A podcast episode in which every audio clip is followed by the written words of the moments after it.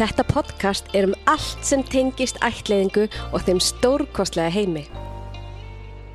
Jónína Sigurðardóttir er verkefnastjóri á mentavísindarsviði Háskóla Íslands. Hún er uppeldis- og mentunafræðingur og hefur meðal annars starfað sem ráðgjafi fyrir börn og fjölskyldur þeirra vegna skólaforðunar. Í þættinum ræði við um skólaforðun og leiðir til aðstóðar í þeim efnum. Við tölum um forvarnastarf ungmenna, kulnun, leiði til betrunar og margt fleira. Jónína er geislandi gleði sprengja. Hún er spunaleikari og móðir. Jónína, verður hjartalega velkomin til mín í spjall. Takk. Segðan as mér innlifin. Já, að mér innlöfun. Já.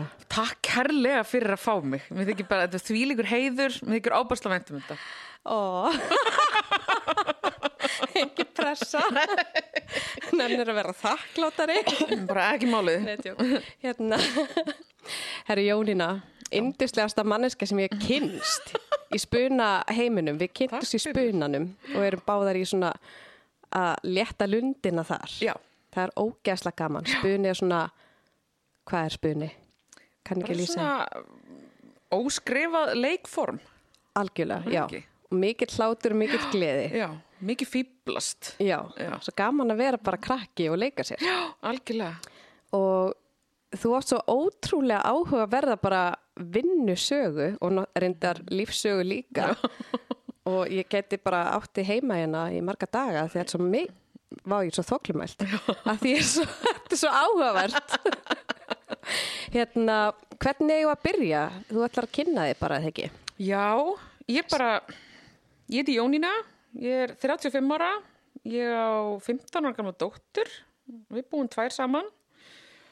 Um, ég er með bachelorgráði í uppeldisfræðum, er að skrifa meistarreitgerðin mína núna í uppeldisfræðum með áherslu á áhættahöfun og forvarnir fyrir börn og ungmenni.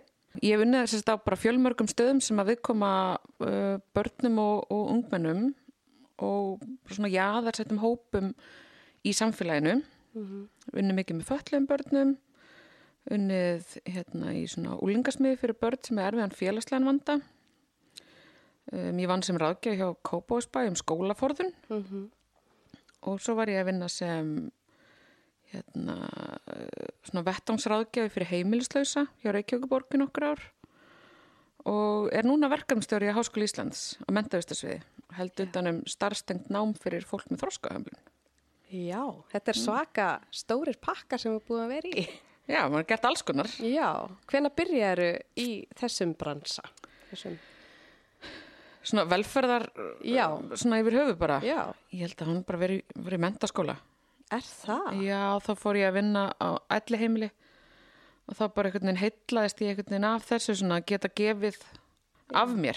Svona ummununar starf og Já, þannig, já. já, sama hvort það væri sko að að gefa af sér svona af andlegum, Mhm. þú veist bara þetta samtal og, og spjall eða, eða eh, aðstöða með aðrar þarfir sko. Já, fólks þannig að já, þetta verður ekkert neginn alltaf verið eitthvað sem hefur já, svona þín köllin. já, svolítið, já Ok, og hvað hérna, að því að nú langar mér svo mikið að vita um skólaforðun. mm Mamma mín er kennar í Kópáskóla ok, og hún sagði mér frá og fekk eitthvað fyrirlestur um skólaforðun Já. og ég hef bara aldrei heyrt þetta áður. nei En svo er þetta eitthvað að voða mikið trend, eða þú veist trend, þetta er svona, þetta er að gerast. Já.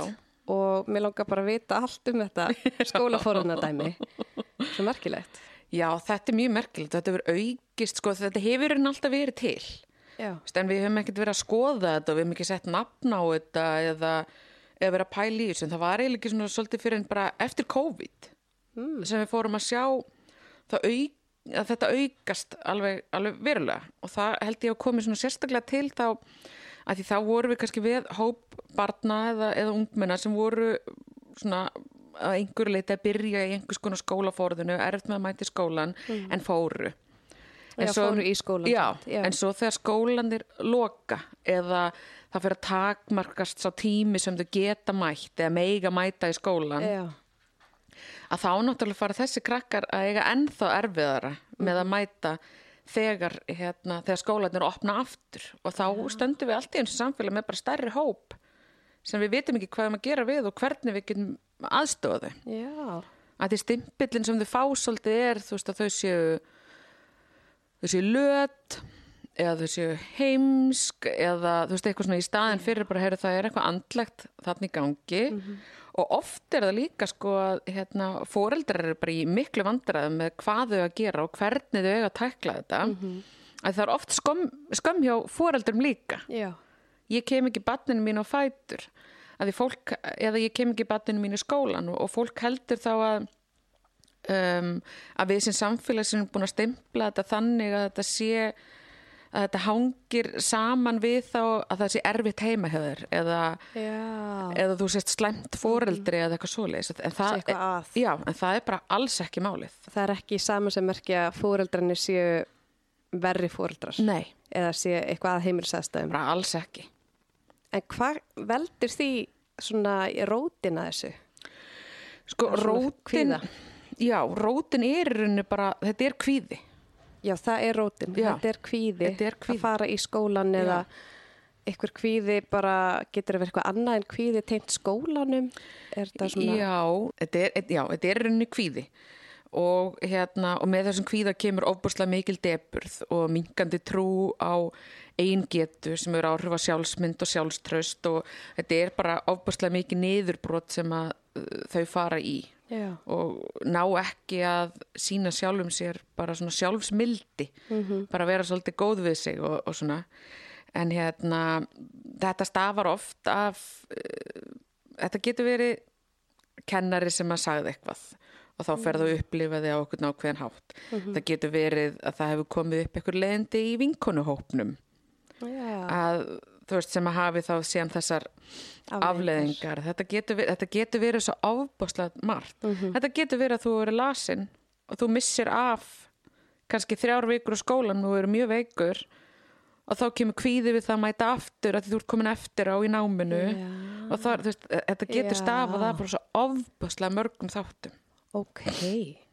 Og hvað hérna, þegar, þú veist, hvernig er þetta greint og hvernig er tekið á þessu öllu? Þú veist, Já, sko, skólarnir bera þarna svolítið mikla ábyrð já, að það er skráning náttúrulega hjá þeim og þeim ber að skrá niður mætingu hjá börnum að því við bara, það er skólaskylda í grunnskólum um, það er erfiðara hjá okkur alltaf að mæla þetta hjá nefndum sem eru til dæmis í framhaldsskóla. Já, en þetta er náttúrulega uh, eitthvað sem fylgir einstaklingum um, í bara já, í gegnum árin eða þá að byrja reyfvel í framhaldsskóla. En það er erfiðara að, fyrir okkur að, að grípa það. Um, já, skólanum ber uh, skilda til þess að, að, að halda utanum mætingu barna og þegar mæting er orðin ákveði lág, ég man ekki nákvæmlega hvað það er, hversu ofta er sem við með að sleppa eða, eða svo leysa, þá ber hérna skólum að tilkynna til barnaðandar já, um, barnavend miður hefur bara ekki tæki og tól eða jú, hefur mögulega tæki og tól en það er bara svo mikið að gera hjá þeim að þetta er ekki forgangsatriði hjá þeim að grípa inn í ok. það er forgangsatriði að grípa inn í þegar verið að meiða barn Mhm. andlega, líkamlega að beita í kynfyrslu ofbeldi eitthvað svoleiðis Já, sem að maður hefur fullan skilning á mhm, en þá er einmitt spurning hvort að sko bara skólaskrifstofur hérna, sveitafjölinn þurfum við þá að grípa betur inn í, mhm. inn í þe- þetta sko. Þannig að þau ættu raun að grípa inn í þetta og hvað ættu þau að gera? Þú veist, hvað væri svona, hvað heitir þetta, bara svona verklægið, Mhm. viðandi verklag? Sko, það náttúrulega segir sér kannski svolítið sjálft því bara því fyrir sem betra eða því fyrir því betra er Já. að grípa inn í af því að um leið og vandir er hún það mikill að barn er bara alveg hægt að mæta í skólan Mhm. að þá er erfiðar að gera það Já, Já, er því fyrir því betra að að grípa inn í af því að um leið og barn er hægt að mæta alveg í skóla og það hefur kannski viðgengst í, í langan tíma að þá er erfiðara fyrir barnið að mæta. Já, bara eins og við öll sem erum með ákveðnum frestunar áratu fyrir hlutum vitum Einmitt. því lengra sem líður því erfiðara er það. Já, um, sko þetta er ofbóðslega einstaklingsmiðið nálgun sem þarf að eiga sér stað. Mhm, ég sko það sem ég var að gera því á Kópásbæ þá var ég að reyna að fá þessa krakka til mín sko í fyrsta lagi bara út úr húsi. Já. Þá voru það að koma til mín í ráðgjöf Varst þú að taka þá einn og einn eða var þetta já, svona hópar? já, eða? ég var með einn og einn Já. um, draumurinn var hjá mér að vera með einn og einn og ná að styrkja þau það mikið til þess að gætum vera með hópastarf Já. síðan en, en ég var Já. líka að vinna með þess að hóp sem að uh, uh, börn sem að hérna, voru þá bara eiginlega að mestu leiti alveg hætt að mæta í skólan og, og var bara orðið mjög erfitt Já. Var það barnavenn sem hafði samband við þig eða Nei, skólaskrifstofan skólaskriftan já, hjá Kópavósbæ Já. þá þaðan fekk ég ábendingar en svo fór ég líka og var með kynningar fyrir um, alla skóla í Kópavói Mhm. og þá fóru skólanir stundum að að hafa beint samband Já. við mig til þess að- ókei. að, að reyna einhvern veginn að, að Hvernig gerir maður það ef að, þú veist, er þetta orðið þannig vandamál að barnið á erfitt með að fara bara út yfir höfuð? Eða þú veist, getur barnið gert eitthvað annað en að fara í skólan, skilur eða hvernig Já, er þetta? það er náttúrulega mjög einstaklisbundið. Þetta getur alveg fara út í það. Að Já. börn eiga það bara erð með að fara út yfir höfuð. Ef að vandi næra að, hvað maður að segja? Að festa rætur inn í heilanum já, bara. Já, næra að vera það lengi til staðar Wow. að þá getur það alveg orðið málið og maður Mhm. sér sko hjá þessum hópi barna þá ykst skjánótkun alveg óbúslega mikið. Þú veist, Þau eru bara heima og eru þá í tölvunni eða símanum eða einhverju svoleiðis. Já. einhverja rannsóknir hafa syngt fram á vannæringu hjá þessum börnum, bara vítaminskort þau eru ekki að næra sig Já. þau eru heima þá hérna, oft einn, þá allan daginn Já, að, að því fóreldrar þurfa náttúrulega að, Að mæta til vinnu og, og svona, þannig að við Mhm. erum með það er óbúrslega margt sem að spila þarna inn í sko en en, en stuðningur við foreldra í þessu ferli er alveg rosalega mikilvægur Já. að foreldrar upplifi sig ekki sem minni máttar eða þeir fá ykkur verkfæri í hendurnar Mhm. að því sko ég finna bara sjálf sem foreldri ég hef oftar en ekki að stelpunum minni hefur liðið illa eða verið í ykkur kvíða eða eitthvað að þá ef ég farið og bara ætla að halda utan og setja hann í ykkur á búblu Já. Og ætla bara svolítið en, en þá er ég bara oftar en ekki svolítið að gefa kvíðanum að borða Já, og þá stækkar hann og þá er ég bara uh, já, Já, að því að manni, það er svona móður eðlið eða fóreldra eðlið Já. bara að maður vill ekki að barninu sér líður illa eða gangi í gegnum eitthvað erfitt Mhm. Nei. og maður vill taka það í burtu já en maður á ekki að gera það. Nei, einmitt, og að því oft fer maður þá einmitt í Já, þetta að stækka vandan og gera hann meiri. Einmitt. Og þess vegna er þetta svolítið mikilvægt með börnum í, eh, börn og ungmenni í skólaförðun að um, ef þið eru heima, fara ekki skólan, þá ekki skemmtilegt að vera heima. Nei, nákvæmlega.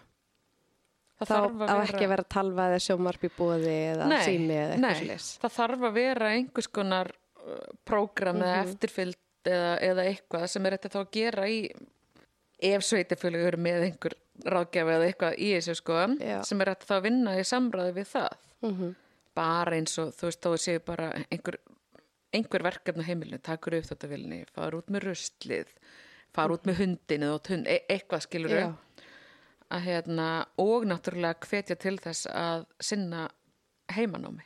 Já. Og þau eru ekkert alltaf peppu í það eða Nei, hvað? nei. Og er þá skárra fyrir að fara í skólan eða?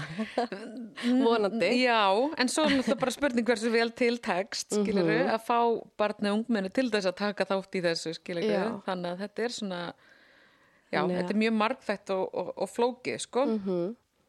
en það er líka óbærslega mikilvægt að þetta sé sko bara þverfagleg nálgun, að þetta Já. sé skólinn sem kom að þessu barnavend á að vera er komið þá tilkynningar að það sé mögulega ekkur félagságjafi eða, eða annars konar ráðgjafi sem komi að og er að styðja Mhm. við og þetta þarf að vera samstarfsverkefni á milli þessara aðila til þess að halda utanum við komum til fjölskyldu í rauninni Já. Er það þá eitthvað svona málastjóri eða eitthvað svoleiðis sem að ætti í rauninni að vera líka? Já, eitthvað svona málstjóri hjá, já, eitthvað málstjóri hjá hérna, félagstjónustunni sem geti komið inn í það af því flest sveitafélög er ekki með ráðgjafa sem sérhefur sig eða Nei, er að starfa við skólaforðin. Einmitt. Ég Hva- held núna þegar ég var að vinna þarna í Kópavásbæ, ég held Já. að Kópavásbær hafi verið bara með fyrstu sveitafélögum sem tók Einmitt. þetta inn, sko. En hvernig hérna, læri maður þetta sérstaklega skólaforunar dæmi eða hvernig fer þetta fram sem ráðgjafi og svo les? Þetta er erfið spurning Já, ég, sko, Mm, Ég held að sé ekkert að maður læri sérstaklega. Ég, bara, sko, ég fann það í mínu tilfelli að ég fór að starfa við þetta. Það er náttúrulega bara mentunum sem ég hafði og bakgrunnur að hafa unnið með börnum og ungbönnum með flókin vanda Já, sem að bara svona svolítið koma henni áfram sko. Já, og oft er þetta krakkar sem er erfitt með til dæmis vilja ekkert endilega sitja bara hérna hinu með við eitthvað borð við manni og, og, og spjalla sko. Þá er það bara að finna einhverja leiðir veist, ég, ég tók mikið upp púsl. Já, tók bara svona stóru flókin púsl og það var kannski bara verkefni sem ég og, og viðkomandi vorum að gera og þá farið að spjalla. Þú veist, ef það er eitthvað annað í gangi og maður er að gera eitthvað annað og þá fyrir maður að leita einhverju rót vandans og hvað er það sem þú óttast við skólan og af hverju þetta og, og ef þú ætlar að gera tilraun að fara aftur í skólan, hvernig finnst þér gott að fólk bre- bregðist við? Já, rannsóknir hafa sínt að flest börn sem er, eða ung, börn og ungmenni sem er í skólaforðin, þau óttast það síðan að fara í skólan og viðbröð annara séu oh my god, vá, gaman að sjá þig. Hvernig hefur það, hvernig gengur, hver, þú veist þetta. Er það? að þau vilja ekki aðtegli Ha? að þá eru þau að fá aðtegli á það að þeim hafi sér búin mistakast allan annan tíma að mæta ekki. Ok, að þá kemur þessi svona sjálfskömm. Með því, en samt er þetta svona fagn Já. að manneskja sé komin í skólan já, og þau vilja það ekki. Nei, þetta er nefnilega bara svolítið stort líkilatri að vera ekki þetta er klassist viðbra fyrir hina. bara alla Ég myndi örgulega allan daginn gera þetta bara, oh my god, gaman að sjá Já. þig, loksins, bara eitthvað. Dugleg Já. og mætt Og þá er maður að rústa. Eða svona, Já, þá er maður að, að gera vittlust. Já, en, en samt vita. mynd svo fallega og svo Já. vel Oh En þetta God. er, hérna, já, mörg eiga erfitt með þetta að ætla að fá svona viðbröð Hvað maður þá Við að því. gera? bara, góðan daginn Já, vera bara svona hann alltaf verið. Já. En þetta er þá samtal sem að þarf sko að eiga við starfsmenn skólans áður en viðkomandi mætir aftur í skólan Já. og ef, ef bekkjar andin er þannig og ef viðkomandi bara samtökir þá er þetta eiga svona samtal við samneymundur Já. Um að sé ekki allir með húrrandi hæ eitthvað allir að vera með blöður og glimmersprengjur skilur Já. að einhver mætir Konfetti. konfetti einmitt bara þú veist Páll Óskar mætir í Já. glimmergalanum líka við skilur en það er, en samt er þetta svo fallegt að það vilja Já. allir Það er svo gladir að sjá einstaklingin já, aftur. já, En er eitthvað svona, þú veist, hvaða aldur er algengastur fyrst þér í svona skólaforðin? sko í lang flestum tilfellum hefst þetta svona fyrir 13 ára aldur Ok. Samkvæmt svona skilgreingum frá hérna úr DSM-kerfinu BDSM-kerfinu. ekki BDSM-kerfinu Tjóksar, ég var það. var að koma eitt svona skríti komment. en sko því sko því yngur sem þið eru þá byrjar þetta sko bara svona oft svona skyndilega Já, ok. það er ekkit endilega að veist, einhver taki eftir að hafa eitthvað komið fyrir eða, eða eitthvað gerst eða eitthvað, það er bara allt í hennu ég get ekki fyrir skólan og ég ætla ekki að mæta. Og það eru þá heilir dagar. Já. en því eldri sem þau verða að þá byrjar þetta kannski um, ég mæti ekki leik fyrir mig. Mhm. eða ég mæti ekki sund. Sem fer þá að þróast yfir í ég mæti ekki íslensku tíma. Ég mæti, skilur Já, og hafa líka sem er að vald, eða svona, þegar ekki eins sterkur rammi þó þessi grunnskóli. já, já, einmitt, þau hafa svona meiri stjórn Ok. og þá geta þau náttúrulega líka kannski frekar að fara að skrópa þú veist, þau Já. eru bara með likla og geta að fara heim og, og það er enginn að pæli þau mæti ekki í- hvað heitir þetta svona í Einhverjum frístund, skilur þau Já, já, já, einmitt. þá er enginn að ringja heim eitthvað og, og svona Ok, en hefur alveg gerst að það gerst bara allt í einu? já, já, já Ég er bara svona hugsa. Það alveg, já, og það er alveg dæmi um það að þetta byrja bara þess vegna í leikskólaaldri. Er það? Það er Þá er þetta kvíðarót. En, En er þetta þá ekki flestir sem eru með kvíða í mitt? mm Það er yfirleitt eitthvað ástæða eða eitthvað svona já, í, hvað heitir þetta, bara í rótunum eða eitthvað já. svo leiðis. mhm, Þannig að er meiri líkur að eins og til dæmis að því við erum að, með podcast um ætlitbönn mhm, og fóstubönn og svo leiðis. mhm. Og þar er náttúrulega mikill kvíði þar á Mhm, bakvið og ég held að allir séu með eitthvað skona kvíða sem hafa verið ætlitir og tekið frá rótum allt þetta. mhm. og eins og strákur minn, ég er náttúrulega bara með dæmi frá honum því að þú veist, það er það sem ég er að díla við hverju degi Já, en það hefur komið svona dæmi upp þar sem að hann hefur ekki viljað fyrir skólan Mhm. upp úr þurru Mhm. og ymmit að því að ég er búin að heyra um þetta skólaforna dæmi frá mömmu þá var Já. ég bara svona ok, þetta er eitthvað þetta er dulafullt Mhm. og þú veist, og hann að flýja heim og eitthvað svona. Og það er alltaf þessi ótti. Já, og hann er mitt hrættastur við frekar að vera skammaður. Alltaf hrættu við eitthvað svoleiðis. Mhm. en þá er mitt gerði ég þetta sem að þú veist, þegar hann hefur ekki verið heima Mhm. og sem betur fór þetta ekkert í svona skólafornadæmi en þá bara ef að þú ætlar að heima og ekki fyrir skólan þá er ekkert í búði nema að læra eða þú veist fara í lego eða eitthvað Mhm. þú verður bara að retta því sjálfur skilur já, einmitt. Það er, það er eitthvað uppbyggilegt í gangi. Þú veist, ég ætla ekki að fara að sita hérna það með þér og, og spila við, eða þú veist, við erum Nei. ekki að vera að búa til skemmtilega samverustund Nei. út, út úr þessu. Nákvæmlega Já. og bara þú veist það er ekkert í búði fyrir þegar skólinn er búinn þá þú veist. Já. máttu gera Já. Vanalega sem máttu að vera að gera eða bjóðst til að fara með, honum í skólan og eitthvað þannig Mhm. en er það, þú veist Já, Æ. já, þú veist, svo, en svo getur þetta náttúrulega líka bara verið tilfallandi, skilur Já. ef það kemur fyrir þau eiga bara ógislega slæman dag eða eitthvað svoleiðis. Já, og þá þurfa ekkit allar viðvörunarbjöllur að fyrir gang ef að, ef að það er.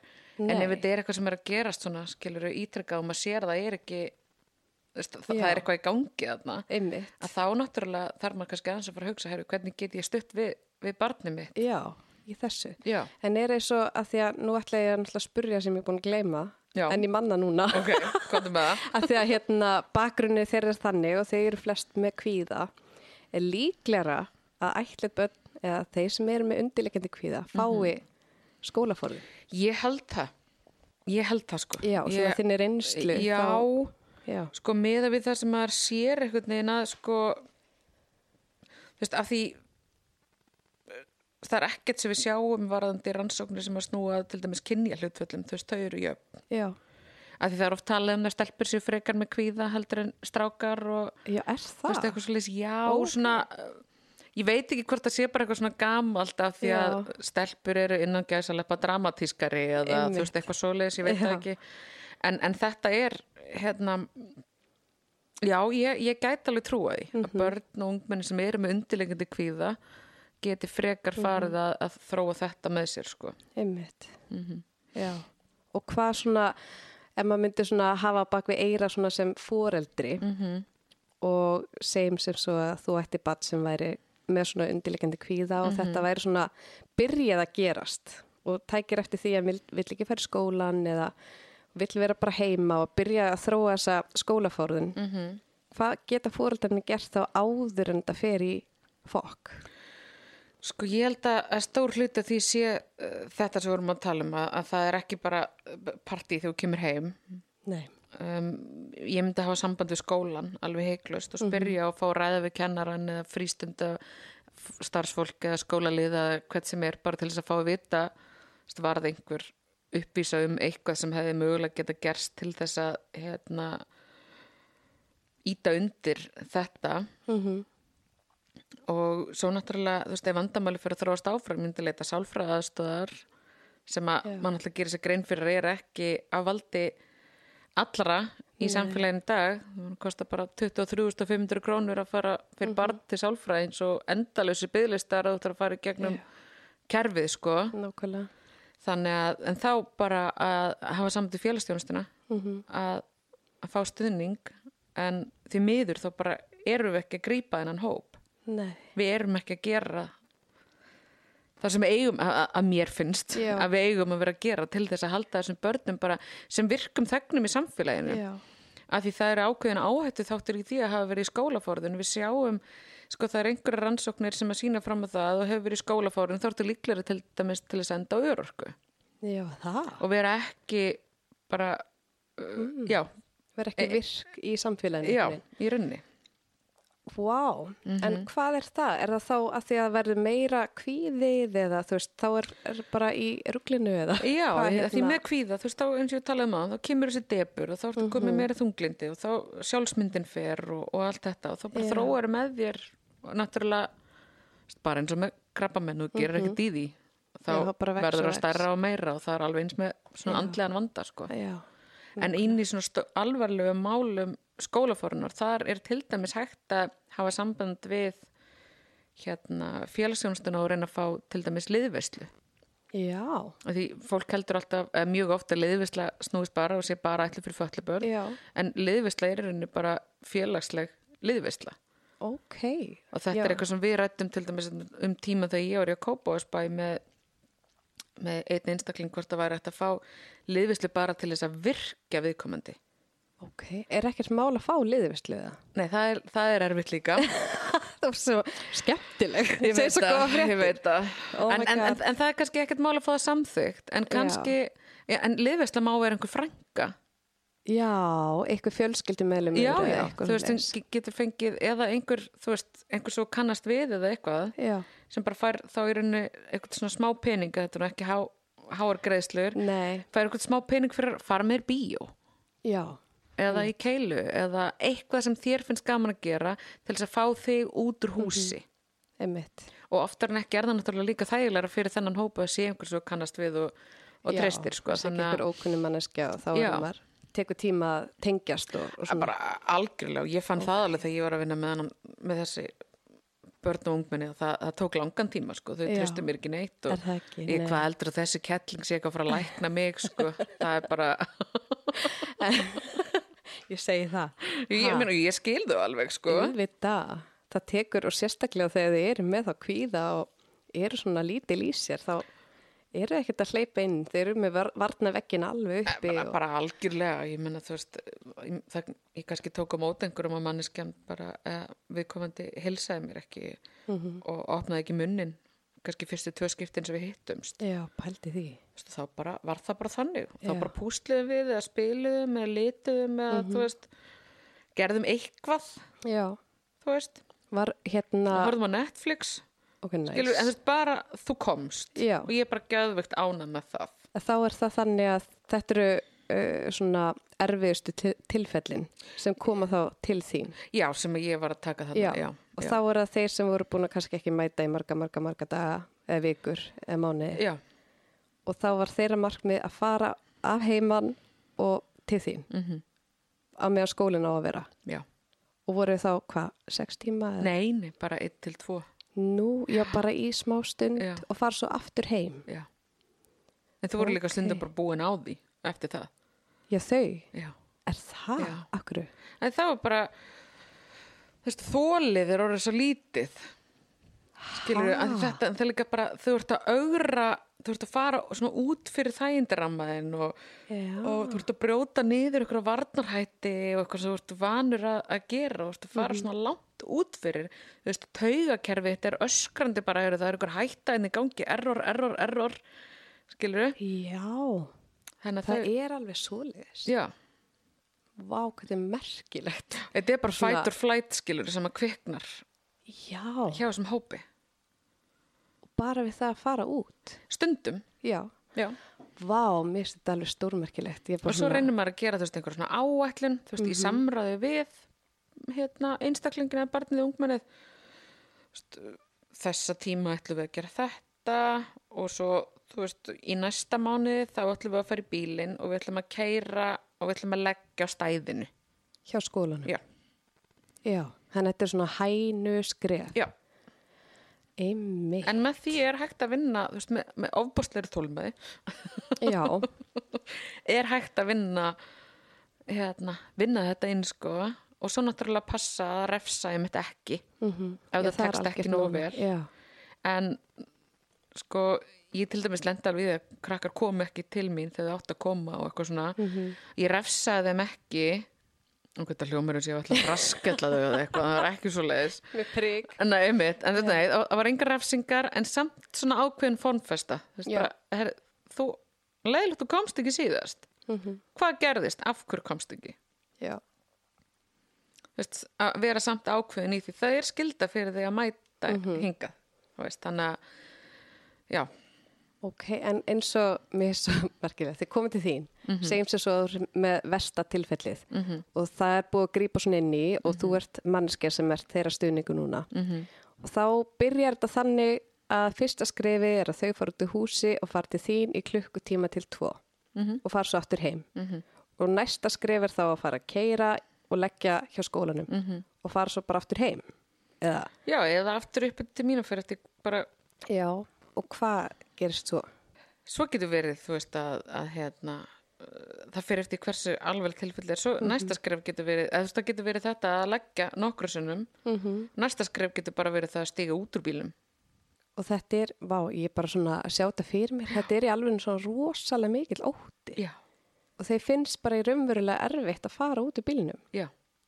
Vá, úf, hvað þetta er erfitt. já, þetta er, þetta er rosalega erfitt og við erum ekki með nógu mikinn skilning á þessu Nei, sem samfélag og við, við sýnum þessum krökkum ekki einmitt, nógu Mm. mikinn skilning eða nógu mikinn stöðning já, í gegnum þetta Bara, og foreldrar- þessu. já, einmitt og mál. oft náttúrulega bara algjörlega ráðþrótta vá. um hvað þau að gera bara auðmingi badni mitt Þetta er svakalegt. Já. Ég fæ bara svona illt í hjarta. Mhm. Þetta er okkur ógislega erfitt að vera svona. já, Og seg, já, þau eru búin að stíða út bílnum og svo leiðis. Mhm. Og svo er bara næsta skrif þá að lappa inn í skólan eða hvað. já, að lappa að Já. þú veist, við ætlum að fara ákveða langt svo fyrir við tilbaka eða þá við fyrum inn í skólan eða hvað En og svo er- náttúrulega mísandi á hvaða aldrei þau eru Já. hversu einfalt finnst þeim að það sé ykkur kona sem að lappi, með þér bara eitthvað í skólan Nákvæmlega. En þú veist, eru þeim meðvituð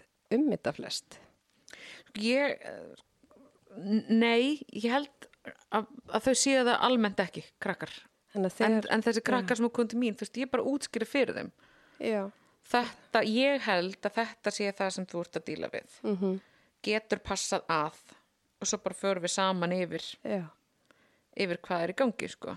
Einmitt. af því þau eru náttúrulega full, fullir þáttakandur í þessu líka og þess vegna gerði samningur með þeim og ég reyndi að gera þetta svona formfast skilur Mhm. þau skrifa undir samningin Nákvæmlega. þá takaðu þau oft svona einhvern veginn frekar svona meira alvarlega heldur en að ég prenti bara út eitthvað blað og segja "Heyrðu, hérna, gjör svo vel þetta er það sem við ætlum að gera Nákvæmlega. Þetta er náttúrulega þeirra líf.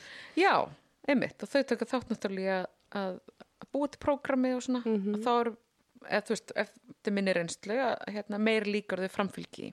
Já. En langar þeim ekki flestum að vera ekki svona? Eða eru bara ekkert að spá í þessu?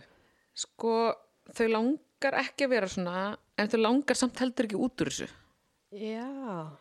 þau vilja geta verið og vera bara eins og allir hinnir og vera ekki Já. með eitthvað svona ógæslega mikið vandamál og eitthvað Mhm.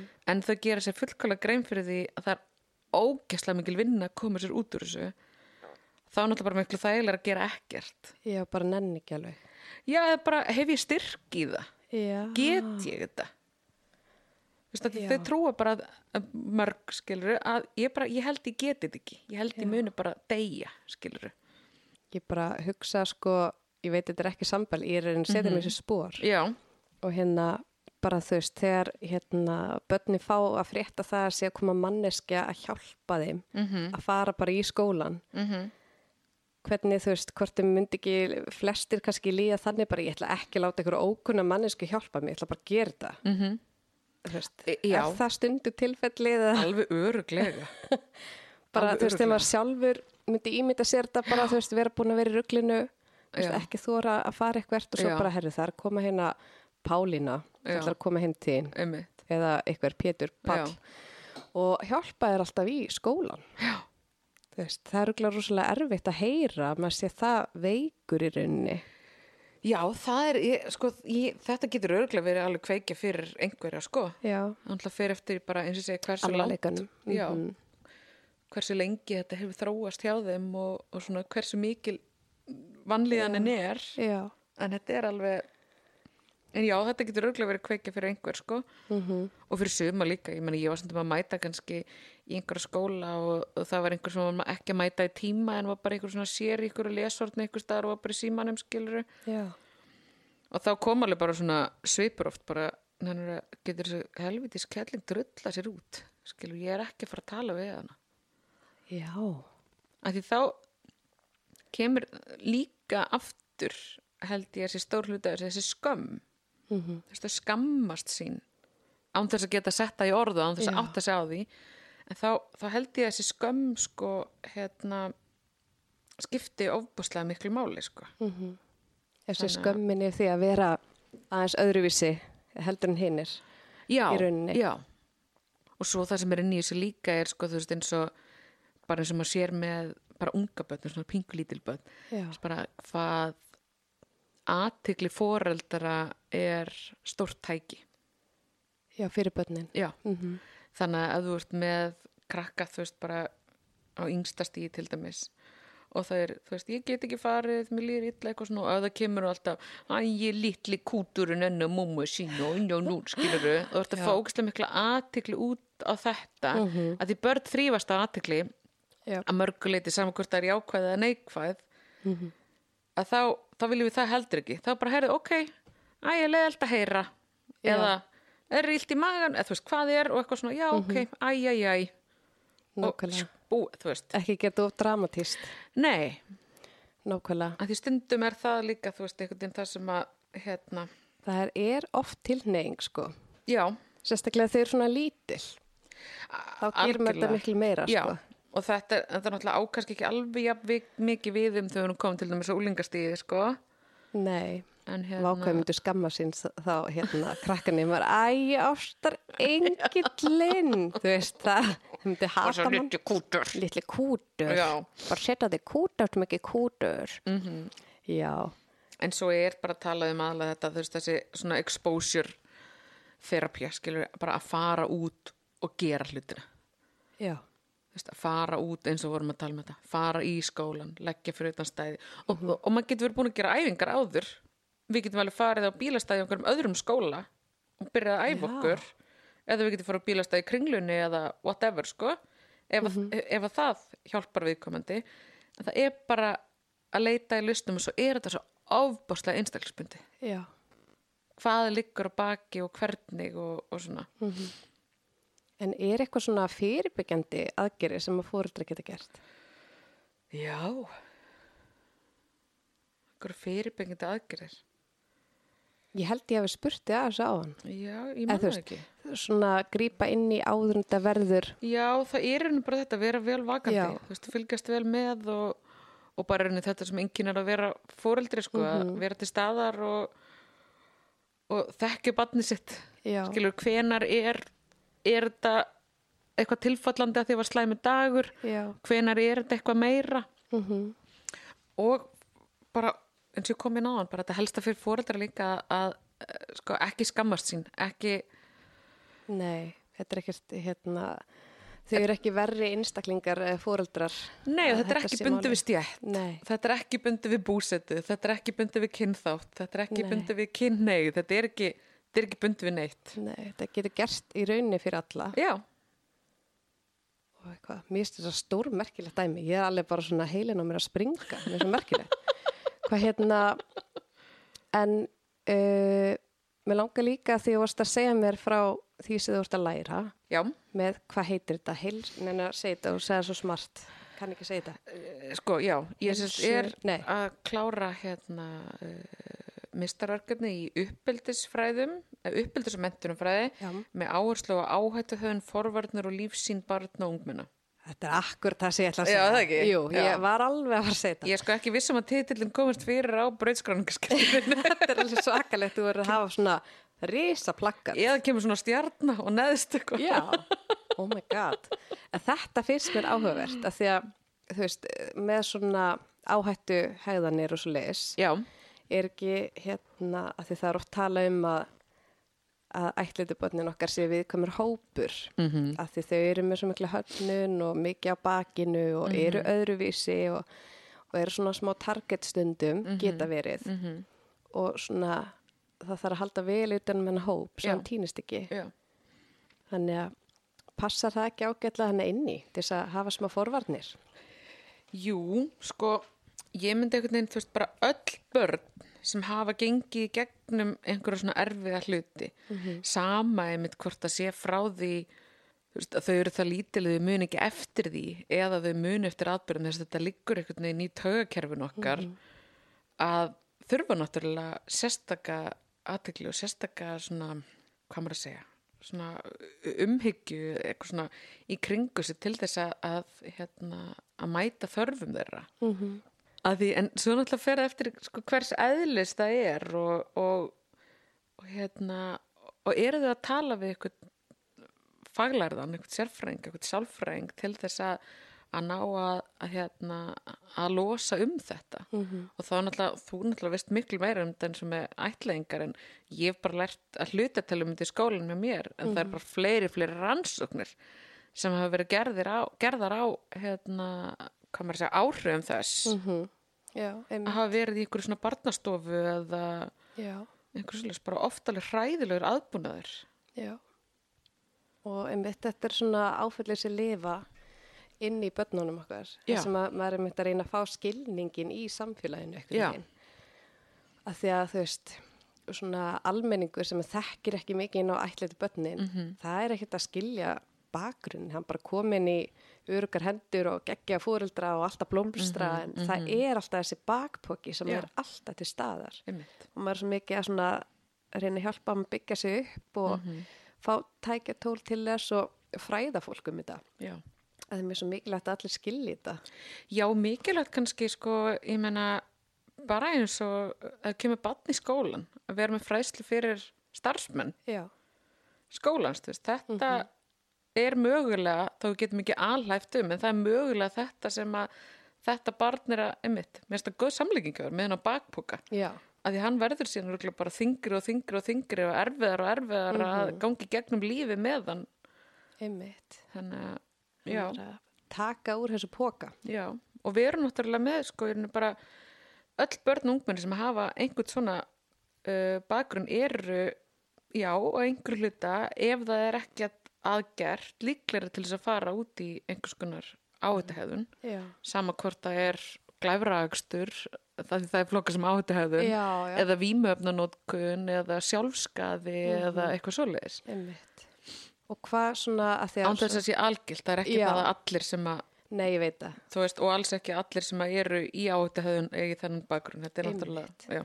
En er þetta svona að því að kannski einhver líffræðilegi þætti sem að spila inn í eða af hverju fólk fer út í eins og bara eitthilega nýslu eða Mhm. ofbeldi eða eitthvað svona hvað er það?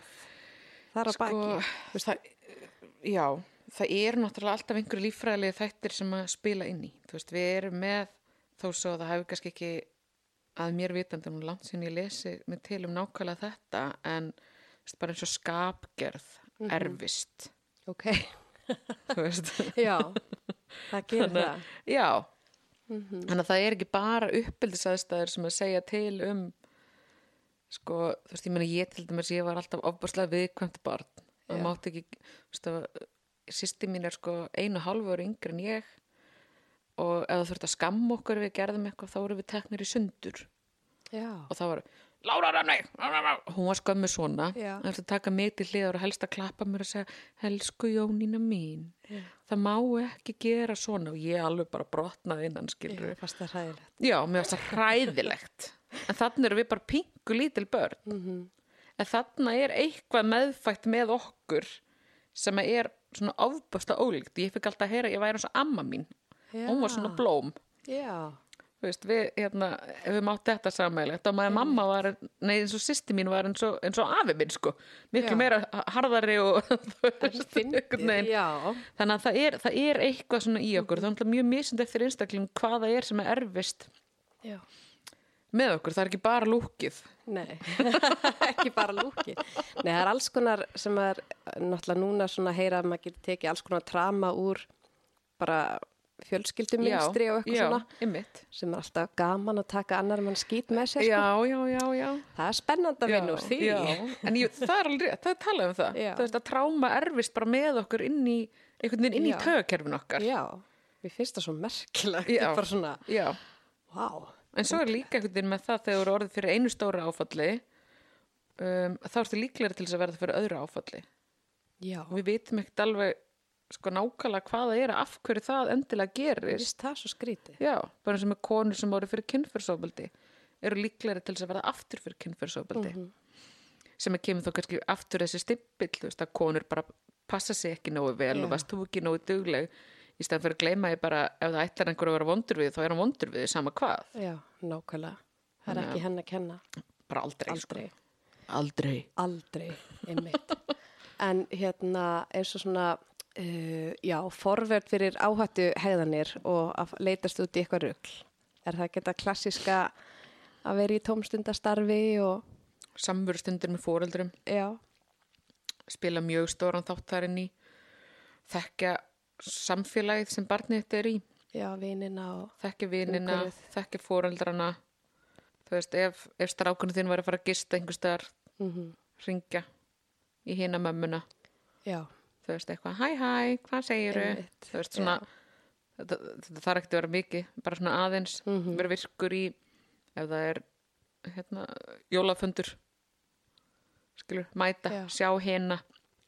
Sjá því daginn. þetta spilur mjög stóran þátt. Já, það ekki það, þú veist, maður getur ekkert alltaf gert allt, skilur, ég ég hef í gegnum árin ekki verið dugleg til dæmis í þessu í skólanum með dóttur minni, þú veist, ég hef mikið unni í vaktavinnu, að ég hef verið ein og ég hef ekki alltaf geta komist en þá hef ég lagt frekar áherslu á hitt skilur, þegar hún er að fara eitthvað að heyra þá í fóreldrum okkur svona Nákvæmlega. í gegnum tíðina, en jú, svo er þetta klassista það klassiska, það er vera virkur tómstundustarfi, íþróttir. Og líka bara tala við þau. Já, þarf maður að tala við bönnu sín. Anskotin, neitt. oh, En þú veist bara, Nei, ég að ég veit það, en þetta er svona, veist, Já. manni finnst þetta common sense, Já. en bara að ræða við þau og, og upplýsa þau um hvað er í gangi og að það er svo margt sem er í gangi veginn, ég man eftir í þegar, ég man nú ekki nákvæmlega hvað mín var gömul, en eins og þegar byrnumálið var ræðilegt, já, ofbáslega sorglegt. Og samfélagið okkar var alveg heldtekið af þessu.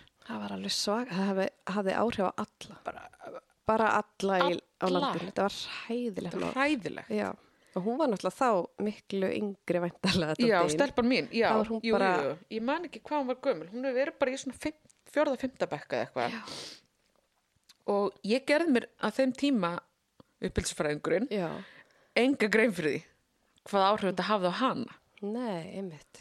En þetta hafði gríðarlega mikil áhrif á hana. Menn þetta, þetta var einu sem var talað um í samfélaginu. Fréttinnar í okkur snýrst bara um þetta. Maður var talandi við fólki kringum sig mm inn á heimilum allstaðar Já, og það var eiginlega ekki fyrir en sko mín fór allt í að sína ykkur svona hegðin af ef ég var ekki heima þá var hún, hún var búin að yfirfæra þetta. Hún hrættum að ég var í dáin skilur að því ég var ekki já, þarna að því þetta hefði alveg geta verið ég skilur í hennar augum. Einmitt, en þarna þá bara eitthvað svona herðu ásti mín, bara setjast niður nú bara tölum við saman. Já, og það er með þetta eins og með um, alls konar áhættuhöðun bara að upplýsa. Já, án þess að vera einhvern veginn að sína hvað er hipp og kúlega spennandi skiluru bara fræða. Mm fræða þau að því að að þau viti hvað hlutinir get verið hættulegir. Já, má maður ekki líka lýsa minni til dæmis Obsessed, hann er nýjara Mhm. og hérna við vorum út á Tenerife um jólin. Já, og við tölum mjög mikið við hann út frá þess að en hérna og ég vil vera reynskilin Já. hann náttúrulega upp að vissu marki Já, já. ekki hræðan úr hún lífturuna Nei, en nei. hérna en við fó- fórum í svona McDonalds. Já, og þar voru tvær blind fullar gælur og hann var bara gati ekki hægt að horfa á þér og gati ekki hægt að tala um þetta að þeir voru svo fullar. Mhm. og bara af hverju og hvað gerist? Og bara þurft að vita allt um fyllir í og áfengi og hvað það gerir. Algjörlega. Og greinlega ekki vanur þess að heima hjá sér. Nei, sem er kannski gott. Ég náttúrulega drekk ekki og maður minn drekkur nánast ekki neitt núna. En hérna þetta var ótrúlega fyndið, það var náttúrulega einn sem týndi skónu sínum og, og hann var alveg hissa, bara skildi ekki af hverju hann fann ekki skóna sína, svo kom hann að sækja það og gæti alltaf talað og þetta er bara verið eins og bíómynd fyrir þetta var svo bíómynd Já. og hann var heldtekinn og svo bara næstu daga það fó bara í að spyrja, er þessi fullur? Er þessi Já. fullur, hvað gerir þessi? Er hann það vondur? Og þú veist, er það saman sem merki að vera vondur og vera fullur? Og maður svona alveg nei, þú veist, maður getur alveg fengið sér áfengi þessi vilja það. Og útskýra hvað það gerir af því að hann vildi vita allt hvað gerist þegar þú drekkir áfengi? Hvað finnur og af hverju er fólk að gera þetta? Og af hverju verður fólk svona? Og maður er bara svona einhver Wikipedia hérna ælir út upplýsingum bara samtalið, þú ætlar aldrei að drekka, Já, kæra já. barn. Þú myndi ekki gera það, þú ætlar að aðtunum maður í fótbolta, hættu þessu. Verður þessu mamma einn Fyrirmyndar andur maður fótbolta, Já, það ekki? jú, bara svona Jón Jónsson. Já, einmitt. Já, þú veist, svolítið týpa. En hérna, mér fannst bara svo fyndið að þurfa að útskera nákvæmlega hvað að gerast í höstum á fólki sem er að drekka og hvernig þeim líður og allt þetta. Og svo eitulífi náttúrulega líka. Já, já, góð saga. Já, en þú veist, það, maður á að gera þetta eða? Já, eða þú veist, mér finnst það. mér finnst það. líka, Já, bara fræða. alveg 100%. Svo er náttúrulega bara, þú veist, fólk sem er til dæmis með mína mentur, við erum ekkert öll sammóla um, um hvernig að gera hlutina eða, eða hvernig er ég að vera. En ég er alveg, alveg á þessu um að ég að tala við og fræða börn í staðin fyrir, minni gamla dag, þú veist, það var bara ekkert, bara, bara, bara ekkert talað nei við mann. það var nefnilega ekki að tala við mann Nei, og frætt um alls konar bara vennilegt máli svo bara líkamstarfsemina einmitt, þú veist, nákvæmlega. Ég var bara skammarlega gömul því ég kom staði að ég geti ekki, já, ég geti ekki verið óleitt á því að kingja, skilur var það ekki bara fyrra? Nei, eiginlega. Nei, en ég er að segja, veist, af því að var ekki talað við Já, mann og maður vissi nei. ekki neitt og, og eitthvað svona, þú veist, hvað, nákvæmlega. það græðir engin eitt á þessu. Svo eins og í skólanum í mér þá bara kom einhver svona, gett gaur sem var í, hérna, hérna, hljómsveit með Bubba Mortens með einhverja fræðslu. Um eituli um eitulif og við, sko, ég náttúrulega var svona típa sem var alltaf hrætt og var bara eitthvað, oh my god, nei, ég myndi aldrei þóra þessu, Mhm. þú veist, eitthvað en svo var krakkar sem voru kannski komið hausinn þangað að byrja eitthvað að fykta Já. að þá var bara eitthvað töffar gaur Mhm. sem kom og þau voru bara stjörnir í augunum hvað var Oh svalur God, já ég man svo vel eftir þess að kom líki í skóla minn einmitt Já. í leðujakka og eitthvað svona Já. og síndi eitthvað mynd og var svona mega svalur á því og er að Ég- segja sögurnar, heiti Já. sögurnar þegar að fara um landið, hvað var töff og spila með bubba og, og eitthvað svona, sko og maður bara svona ok, en þú veist ég var líka svona eins og þú, hrættu allt. Þorðið var alltaf, þú veist, að borra gras út í garði, sko, ekki það ég var alltaf að borra gras út í garði. Ég Mér heiti Selma, ekki Belja sko, ég veit ekki, ég ætti kannski ekki að segja þessu sögu en hérna en ég hef einu sinni reykt gras. Já, og það var grasstrá já, sem ég tók. Og þá var ég eitthvað 14 ára og að vera rosa cool. Og ég tók eitt svona strá og ætlaði að reykja það og ég leið, að því ég er svo mikið ljóska. Ég leið, allir eitthvað að tala með eitthvað gras og það er eitthvað voða cool og ég eitthvað var ein þegar ég gerði þetta. Ég er mjög stolt. Þarna var samt að reyndar svolítið svona ignorance is bliss, skilur Þú er bara að sjá um mig. ég veit það, þú veist. Já, ég hefur reykt gras, krakkar mínir þess vegna er svo skemmt í dag. Já, þú útskýrir margt. þetta út, útskýr svo margt. en hérna smá játning. Já, já, bara fallegt. já, mann barstlegur. Oh. en ég er bara svo forvitin. Mér langar að vita af því að þú ert búin að vera að vinna svo með heimilisleysum Já, hvernig það kom til og hvað varst að gera? Sko, ég vann um, í því, í hvað, rúm þrjú ár, langar með að segja. Hérna, ég bara sá auglýst, sko. Bara Já. í teimi hér Reykjavíkuborg sem heitir Vorteimið. já, ég heyrti það Já, og ég sérst var búin að vera að vinna mikið eða svona, skoða mikið meðan ég var í náminu eða sérst meðan ég var ennþá í, í áfengum í mistarnáminu mínu skoða mikið sérst um áhættuhæðun og, og vímefnanislu og fannst þetta mjög áhugavert Mhm. Og já, bara sótt um og fekk vinnu ég var mjög hissa aldrei, hissa? já, mjög hissa það voru ógislega margir sem sótt um Aha. og hérna, þetta er mjög eftirsótt hjá okkurum hópi sem að Já. hefur áhuga að þetta er ekkert risa samfélag sem hefur áhuga að starfa með þessum hópi því miður, Já. að þetta er hópur sem þarf mjög mikið Mhm. mm, en og það er að því það eru fáar stöður en, en margir kannski að slást um eða þannig skilur Já. þannig að hérna já, við vorum bara í rauninni á vettfangi að, að gera það sem við gátum Mhm. fyrir fólk sko. Varstu það bara með- lappandi um bæinn eða nei, nei, hvað? við vorum á bílum.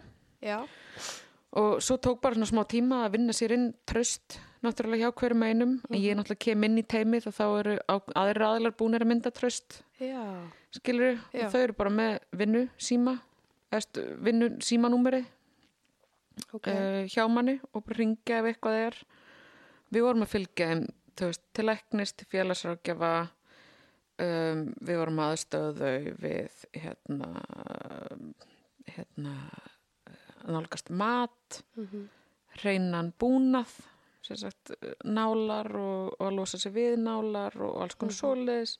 Svo erum við líka stundum bara það er einhver sem ringir og segir bara, herru, ég er hér ég er að fara að nota ég veit ekki alveg nákvæmlega hversu mikið er eh, hversu stert efnið er ef þið heyrið mér til fimm mínútur henni þá að, skilur Ok, þá bara gerum við það.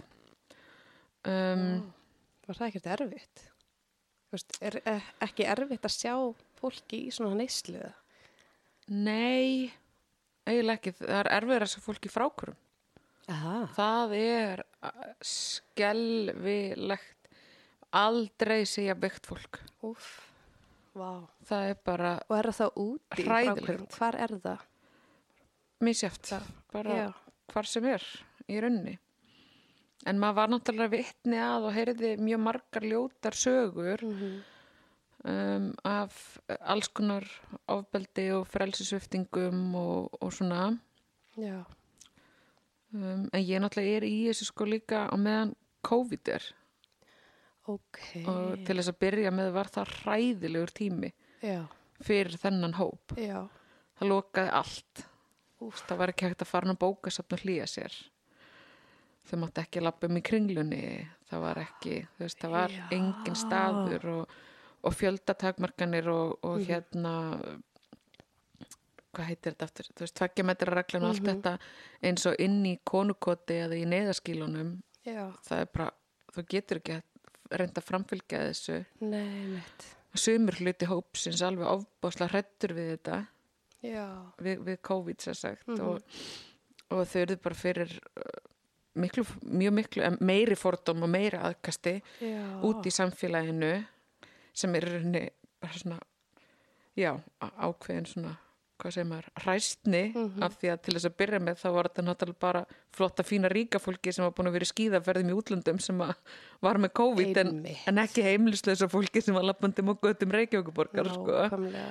Þannig að hérna, þetta var svona það var margt sem var erfiðara, þú veist, Mhm. við gáttum ekki lengur fyllt fólki til dæmis inn á bráðmóttöku Já, þurfti að gera það sjálf. já, Já. þau fundu mikið öryggi með því að hafa okkur með sér að þau verða fyrir miklum fordóm frá, bara, frá læknum Er líka, það? já, já, já, já þau verða bara fyrir fordóm allstaðar sorglegt. bara, þetta er lægst setti hópur samfélagsins Mhm. sem að ég hef bara í, komist í kynni við sko. Hvernig, hérna, eða, þú veist, ég veit, ég veit ekki hvort sérst alveg sérfækur í að vita það, en þeir sem verða heimilislausir, Mhm. er það alltaf út af eitilum eða er það Nei. út af, af hverju gerist þetta? Líka ef fólk er að glíma við mjög erfið andlega veikindi, Já, það getur líka gerst. já, já. Og fær ekki viðandi aðstöð. Mm -hmm. Annars sko, þetta maður bara að hafa þetta í lægi, sko. Já, það. Og veistu hvað eru margir, cirka? Úf. Ég myndi giska á svona alveg upp að kannski 300 manns. Vá, Já. 300? Já, kemur ekki óvart, sko. Úf, Það sem falla svona undir þennan málaflokk, án þess, ég er ekki með neina tölur að næstu tvö ár sína hætt að vinna í þessu en hérna en það er þá líka kannski tekið inn í þetta fólk sem að er um, í ákveðnum búsetu mhm, kjörnum eða eitthvað svolítið sem er að nýta þá þjónustu já. þessa teimis og þessar hérna, þessa hóp svona en hérna, en svo er líka bara stór falin hópur Já, sem er á sófum Hjá fólki bara. já, hjá einhverjum Já. kunningi eða einhverjum einhverstaðar eða Mm. veist sem að við bara kannski vitum ekki af og náum ekki nálgast og bara vitum ekki til Ok. En svo hættur í þessu, mm -hmm. var það eitthvað ástæð fyrir því að vildi hætta eða bara komið Ég- gott? bara kláraði mig já, ég bara Þú kláraði hvað ár var það? um, Bara í COVID? nei, ég klá, jú, jú það var einu COVID en þá en samt ekki Já, við, já. þetta var um, hvað það, 24, núna 22 Já. Þá fer ég bara í, í burnout Já. fyrir virk ok. var það í heilt ár En var það þessi, þessi vinna sem að klára þér? Nei, það var samansafna bara mjög mörgum hlutum sko. Já, dóttir mín var í fósarskóla á þessum tíma Já, og var eitt af þessum börnum sem var alveg ofbúslega veik. út af miklu. Já, Já, það tók mjög á um, okkur. Ég var náttúrulega bara mamman sem fór og var í forsvari og. Eða þú veist, ásand fleirum sko, og skrifandi greinar og í Man er blöðinu. alltaf eftir. af því að ég man þegar við hittust fyrst í litjöld, kannast ég við þig? Bara hvaðan kannast ég við þig? Af því ég man svo vel eftir þessu þætti. Eða að Já. þetta veri kveik eða ykkur svona þætti, ég man ekki hvað þætti þetta Já. það heitir. Já. Og alveg sko, ég hræðist svo svona miklu Já. stemningu, eða ekki stemningu. En þú varst ekki sjálf fyrir miklunni. Nei, hún var bara mjög veik og hérna við ertum að taka allt, þú veist, bara heima, allt sem, alla teikningar, allt sem hann er búið til, allt sem hafi verið inn í skólanum, Já. gata ekki verið inn á okkar heimili lengur. Vá. Þú veist að fara að skoða rúmin okkar ef hefur farið úr fötunum, þú veist að beint upp mm þetta er þú fólk sem hefur ekki gengið í gegnum þetta, það er oft svona stundur bara eitthvað ertu klikkuð. Já, En ég held líka bara tímbili að ég væri bara klikkuð. af, já, Þú veist, ég, ég var komin í heimakennslu um tíma að því hún bara gæti ekki farið og verið þarna lengur og, og ég var óana með viðbröð Reykjavíkuborgar og, og svona. En Svo- var, þetta, það margir sem að urðu svona veikir eða? voru nokkur börn sem eruðu alveg svona veik. Já, Það þá er hún með ofnæmi eða eitthvað svona fyrir sig eða? sko, ekki sem mælist. Það er ógæslega erfitt að mæla þetta. er já, það? Já, Ó, hún bara í eftirfyllt hjá okkur sérfræðingum síðan setna meir og, og svona en hún þarf bara að passa þess þessa hluti já. En var það komið í ljós að væri mikla hana? ekki, ekki fyrst við byrjum En voru þið þá hérna í eitthvað svona hópi að reyna að komast í botts í þessu? já Að þið voru búin að gruna að þetta væri mikla?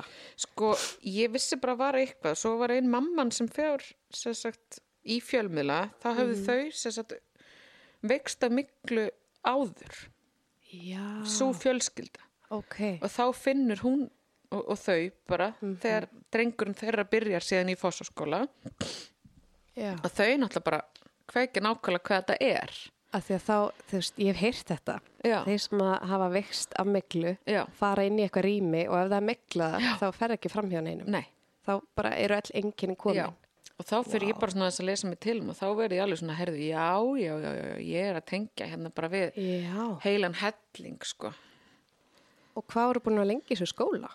Þarna þegar þetta byrjar þá held ég hún sé hvað í 5. og 7. bekk. Já. Búin að vera það frá fyrsta, öðru, Já, þriðja, fjóra. nei, frá öðrum bekk, hún byrjaði öðrum Já. bekk, já. Ok. Þannig að þetta var svona og svo voru þau flutt í annan skóla upp í Grafavog og hún vektist bara þar líka. Og mikla þar líka. Já. Jesus. En að þetta þetta kláraði þig algjörlega. Það var starfið og miklu ástandið. Já, svo reyndar hérna grindist ég búið með breytingaskeið á þessum tíma líka. Já. Ég verið örugglega verið 25 ára þegar ég byrjaði á breytingaskeiðinu Ha. og þegar ég er á þessum, þessum tímbilið þá kemst ég sérst að því að, að ég er búin með breytingaskeið. Hvað varstu gömul þá? Þarna er ég 32. Ha. Já. Þannig að það varð allt svona einn Oh God. sem bara gerði það verkum. Ég bara, ég höndlaði ekki lífið lengur, sko. Guð. Byrjaði á mjög miklum hormonalifjum, þú veist, sem ég er á Já. ennþá og þarf að vera á næstu árin til þess að halda beinþéttni og hjarta æðakjörnu gangandi. Og hérna, og ég var náttúrulega bara svolítið ruggli líka, bara að fá svona miklu hormonu uppbót og Já. Hvað var þetta spraut eða bara svona, svona krem eða hvað fyrstu? Já, ég, ég er, núna sérst ég er á estrogeli sem ég ber á mig, ég er á uh, testosteróngeli sem ég ber á mig, ég tek prógistrón töflur og svo er ég með estrogen töflur sem ég set upp í fæðingavegin, upp í leggungin. Já. Vá. Þetta er pakki. Hormonal. og shit, ég man einmitt, þú sagði mig frá sig og eru búin með breytingaskeili, byrju, hvað brandar er það? Já. Ert þú ekki bara eina, ert ekki ógislega sjálfkæft að vera búið svo snemma? Jú, líka sko að því mínu tilfelli finna þeir ekkert af hverju þetta gerist. Þetta, þeir held á tímabili að ég væri mögulega með ákveðna típa af heilaæksli í heiladinglinum sem orsakar Já. þetta. Það var ekki. Ég er ekki með sjálfsánum sjúkdóma sem að orsaka þetta. Heldur er ég bara þetta 0,01% kvenna í heiminum sem að þeir viti ekki á hverju þetta gerast. En samt eru það margar miljónir kvenna. Ha? En það er samt ekki rannsakað. Nei, nei. Vá, en var þetta ekki mikið sjokk? Jú, þetta er mjög erfitt. Að þú vissir ekkert að vera á breytingaskeiðinu Nei. Það var búið? Já. En útskýrði mjög margt, sko. Þú veist, ég var búin með mikla höfverki, hárlós, blæðandur tannholdin á mér, liðverki, hjarslattatröflanir, alltaf svona tilfinningu þess að ég þurfti að pissa, heila þóku, bara, ég veit ekki Vá, hvað og hvað, öll, sko. Öll enginni. versnaði hjá mér sjónin, þú veist, það bara, Já. svo þegar ég fæði þessa greiningu þá upplýði ég bara svona svolítið eins og ég væri að hrörna, Já. eins og líka minn minn væri bara svona eitthvað, Að rotna. já, ein, einmitt, sprellifandi í hausnum. einmitt, mér varst ég bara 19, skilur Einmitt. Það er bara, nei, þú ert orðin ógeðslega guð. Já, einmitt. Oh my god. En ég fór bara strax í þetta, já, því ég var ekki tilbúin og þá fór ég aftur í fjölmiðla, því mér varst bara mikilvægt að konur vissu. Já, ég svo ána með því að því það er ekki allir sem þið þóra því. Það þarf svona sterkar típur sem að bara fara í fjölmiðlana og láta vita því að það hjálpar öðrum.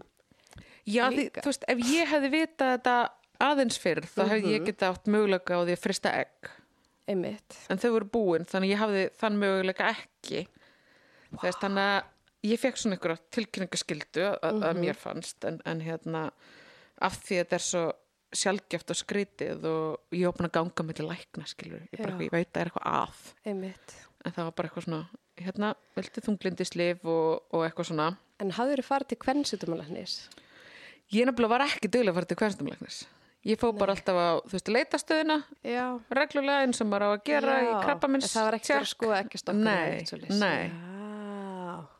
Að því ég hef alveg farið til kvennsitumalæknis og hann er Mhm. alltaf að tjekka á eggjónum sko. Já. Hann segir sér mjög eggjandi. já, ég, Ég heldur að sé ég sé það brjála alltaf mikið eggjum. Þau eru einski snýt, en takk fyrir. Vá, misti það stórfenglegt. já, þetta er já, En ok, þetta er flóki þetta er svakalegt Mhm. og þú, þetta er já, fyrir nokkrum árum og þá missur vitið, eða svona Já. missir hérna taugáfallið, já, ég bara, bara missi svolítið kúlið, sko og bara næ ekki Hvernig missur kúlið? Manstu hvernig er leið og hvað einkenni varst með? sko, mér náttúrulega fannst ég bara algjör lúser, sko Er það? Já, get ekki bara haldið áfram á hörkunni og hvað þetta væri nú, mæti bara vinninu þess að annað fólk og, og eitthvað svona, en samt var ég þannig, þú veist, ég fór út í búð að kaupi matin og ég kom heim og ég bara, veist, að leggja mig í tvo tíma og slökkvöld ljós, bara því ljós var svo mikið áreiti og ég gæti ekki talað um fólk og Oh eins mikið félagsvera og ég er skilur, ég er bara út um allt, alltaf talandi. Já, og hérna, slá ólík sjálfur er þá. já, alveg mjög, Vá, mér bara, mér bara leið bara mjög illa. Já. ég var bara svona ég hef gleymti þunglindi áður sem, sem, hérna ungmenni. Mm og ég var bara svona, ég var úrslega hrætt ég var úrslega hrætt um að það var einhvern veginn að Já. yfirtaka mig aftur og bara hvað ég að gera og eitthvað svona Mhm. og svo líka bara, ég bara ég ekki við mig, ég bara grét bara Já. alltaf, bara alltaf grátandi ég veit ekki hvort það voru hormónin Já. eða hormónu uppbótin sem ég var að fá eða Þá varstu hvort að- byrjuð á því. já, þá var ég að byrja á hormónu líka Já, já, já. þannig að þetta, þetta varð allt bara svona einhvern veginn eitt grautur sem að Mhm. ég einhvern veginn bara réð ekki við Shit. lengur en fór þá bara í virk og ég er svo, ég er svo ofbúðslega þakklátt fyrir það að við höfum kerfi sem grípur fólk Já. það er bara alls ekki sjálfsagt Mm og, og vann bara alveg rosalega mikla vinnu þar Og varst þar í hvað? í ár, já. Ár, já. Og hvernig er stemningin virk? Stemmingin við Þú veist, er ekki stemningin bara... Ég er alltaf svona, ég er svo íþróttafréttum maður. Og hvernig er stemningin? Þú veist, var mikið prógram, þú veist, hvað er, það er að væntalega svona uppbyggingin þar líka eða? já, sko, þetta er rosa mikið námskeið Já. þannig að þá er maður með öðrum sem að um, er að gangi gegn svipað Er það ekki næs? jú, það er mjög gott Já. það er mjög gott að fá bara svona já ok, ég er ekki ein. Ég er ekki auðli, ég er ekki aumingi og, og það sem ég fannst mjög gott var að byrja því á okkur námskeið sem ég fór og þá bara byrjaði, uh, svo sem var með námskeið sálfræðingur, að ég verði með fræðsli bara hvað er örmögnun? Já. fólk sem lendir í örmögnun er fólk sem hefur metnað í lífinu. Mm að ég háti er áhættu þáttur uh, áfallasaga fólk sem að vill standa sér vel fólk sem er duglegt þú veist, það er ekki þetta hérna, Ekki vera aumingi. nei það er bara af því maður ætlar að gera allt í heiminum og þá, þú veist, getur maður ekki Og erfitt Gert að segja það. nei, kannski. ymmit en það er líka ennþá bara svo fast í samfélaginu hjá okkur ert að vera duglegur, Já. þú ert duglegur, þú ert duglegur eða dugleg, en það er náttúrulega bara maður pælið svo stutt sem við erum í Moldakofa. Já, þar sem við þurftum bara ef þú helst ekki áfram, þá varstu döður einmitt. ég held að þetta sé að því vorum komið inn á Já, með þetta DNA fast áðan inn í tögukerfinu Já, þetta er ennþá hjá okkur held ég að þetta er svo galið hvað maður einmitt alin alltaf upp við og maður sjálfur að ala það í bönni sín Mhm. bara eitthvað, þú veist, við situm ekki hér og gerum ekki neitt. Nei, einmitt Það þarf alltaf að vera að gera eitthvað og þegar maður er að slaka á það þarf maður samt að vera að gera eitthvað meðan, Já, þú veist. Maður kann ekki að vera bara eitthvað já, að chilla. já Einmitt, þetta er eitt af bara mikilvægast held ég sem ég lærði í virk Að Hlusta á líkamur minn Já, og einmitt, slaka á einmitt. og ekki vera að skamma mig já, á meðan, í hausnum á mér, já. já. ekki liggi við sófa og vera að hugsa bara eitthvað, "Nú, helvítis aumingi, okkur drullar er ekki stað þú ætlar að vera búin að taka þvotti niður Mhm. Þú veist, það er einhver komið í kaffi og eftir og ætlar að láta þvottin hanga uppi eða ætlar að gera svo alltaf, ætlar að henda hún bara í herbergi Mhm. og ekki, þú veist Nákvæmlega. Og þetta er svo ótrúlega uh, mikið svona ör áreiti stöðugt inn í haustnum á manni Mhm. ég fór í virk sko, fekk ég hérna um, svona enga sálfræðtíma um, að læra sjálfsmildi Já, næs. sem að er bara þvílík gjöf inn í mitt líf Er það ekki? Jú.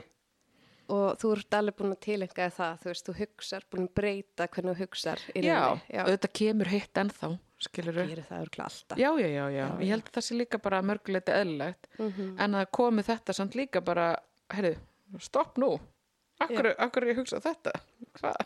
Hva? ég má alveg aðeins slaka hérna á núna Nákvæmlega. og fara það heldur ekki ég má það af því að Já, og telja upplýting sem er búin að gera í dag heldur bara, ég má það já, einmitt. Að meðan það er ekki þannig að maður sé að búa það til að maður, þú veist, Já. ef maður er fastur í sófanum út af vanlegan einhverju sólist, þá er það annar pakki, skilur já. en hérna, en já, já Og hann að ár af hard work í að vinna í sjálfu þér mm og þú ert byrjað að vinna aftur Já. og í náminu. mm En hérna, að því að við vorum að tala um spunan, við kynntum sér spunanum. -hmm. Þú notaðir hann í sjálfsuppbyggingu Já. eða svo leis. Já. Er það ekki? Jú, mjög mikið. Að maður er að vinna í erfiðu málum og í erfiðu málaflokkum þar sem maður, er, maður sér og upplifir margt sem er flókið og erfitt í, í samfélaginu að, að hafa eitthvað annað til þess að grípa í Nákvæmlega. eins, og, eins og spunin. Já, Þú veist, að geta það farið einhver staðar og glimt þessu öllu og verið að fýblast og eitthvað. Eins og spunin getur samt verið svona, þú er örglega upplifað að maður fyrir heima æfingu eða síningu eða eitthvað og, og maður byrjar bara, oh my god, ég var nú ekki alveg nógu Já, góð já. þarna og þetta var ekki sniðut og maður byrjar með svipun og baki á sér alveg eins og okkur bara einmitt. En þá er þetta samt ótrúlega uppbyggilegt. Mm Þetta hefur haft rosalega mikil áhrif á sjálfsmyndina og sjálfströsti hjá mér Já, að því þú veist, rannsóknir hafa sínt fram að hvert skipti sem að maður fær út fyrir þægindaramann sinn þá bætir maður sjálfströsti já, maður vex með því, já. Þetta er eitthvað sem helst í hendur sko. Og maður er alltaf að fara út fyrir þæg, þægindabóksi í spuna. Já. Mhm. Í hverjum einasta tíma þó maður sé að stunda þetta. Já. Að þú veist aldrei hvað það fara að gera. og veist heldur ekki hver ætlar að fara að lappa fram með þér í að gera Nei. skilur og veist ekki neitt Nákvæmlega. og það er, en jú, ég notaði spunan sérst, ég fór að fara á námskeið þarna í runni og meðan ég er á, á þessum stað og uh, það gerði alveg rosalega mikið fyrir mig Já. Bara bjargaði mér að mörgu leiti sko, Mhm. að vera að fara út og, og svo er þetta líka ég veit að hljómar ógislega klísjulegt en þetta er svo fallegt samfélag Já, þetta er það. það eru bara einhvern veginn allir á sama stað Mm og maður, sko, maður er kannski búin að þekka fólk í ár og mæta með því reglulega æfingar en ég veit kannski ekkert við hvað vinnur Nei, maður er veit, að pæla nei, að það skiptir ekki máli Maður er bara að fara til þess að leika sér, Já, bulla já. og hlæja og hafa gaman. það er ekki status, skilur Nei. þú veist, við erum bara Allir jafnir. Já, jafningar að hafa gaman og fólk á öllum aldri. Já. Þú veist, ég var á námskeiða sem var, þú veist, maður sem er fimm batnabönn og svo strákur framhaldsskóla Einmitt. og bara allt þar á milli og ég og Kass ólita sýsti mín skilur Já, mér finnst það svo æðislegt sko. Þannig að þetta er, þetta er, þetta er frábært tæki. Ég náttúrulega bara Já. mæli með fyrir öll að fara, Í spun já, fara á námskeið. Þetta er svo gaman. Og mér finnst það mér svo dásalegt sko fyrsta námskeið sem ég fór á þá var maður að þess að kynna sig og það var einmitt rosa mikið að fullátnum konum. Já, bara, og hvað gerir þú? Það var eins sem svaraði hérna þá er hún bara heima vinnandi eða eitthvað og hún er bara svona skuttlari hún er Já. alltaf að skuttla börnunum sinu út um allt já, þannig að veist og er aldrei að gera neitt fyrir sjálfa sig og bara ákvað að fara í spuna til þess að bara hitta nýtt fólk og hlæja og hafa gaman Já. sko, ég fann þetta líka mér spunanum sko, að þetta er fyrsta skipti bara síðan stelpa mín fæðist sem ég gera eitthvað sem var bara svona 100% bara mitt áhuga. Já.